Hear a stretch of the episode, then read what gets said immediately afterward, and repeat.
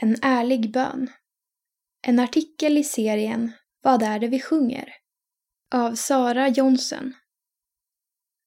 I want to know you, Lord, like I know a friend. I want to know you, Lord, so I'm laying down all my religion. I'm laying down. I want to know you, Lord. I used to think that I could box you in. I want to know you, Lord. I'm laying down all my religion. I want to know you, Lord. Lord, I've been told to be ashamed. Lord, I've been told I don't measure up. Lord, I've been told I'm not good enough. But you are here with me, and I reach out and you find me in the dust. You say no amount of untrusts can separate us. I will rejoice in the simple gospel. I will rejoice in you, Lord. Simple Gospel av United Pursuit När jag bestämde mig för att bli kristen kändes beslutet varken tungt eller svårt, trots att det innebar ett nytt liv för mig. Med åren har jag dock upptäckt att det inte alltid känns så där lätt eller självklart att tro. I perioder då jag tvivlar kan det snarare kännas både jobbigt, ansträngande och invecklat att vara kristen. Kanske känner du igen dig?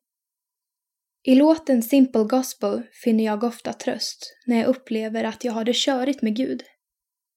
Det är ofta de enklare låtarna som berör mig mest.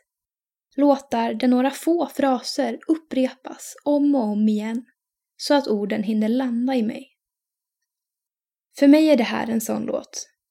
Det är en ärlig och avskalad bön om att åter få rätt fokus när jag vacklar i min tro.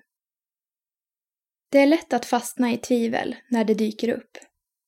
Jag har märkt att när det händer har jag ofta låtit blicken glida bort från Gud, medvetet eller omedvetet.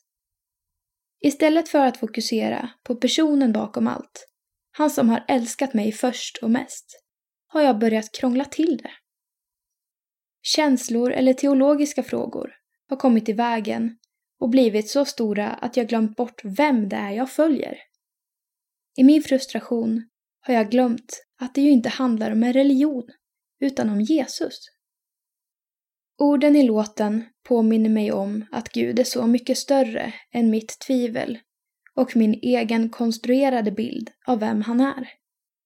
Jag behöver återigen lägga ner allt och bara fokusera på relationen med honom.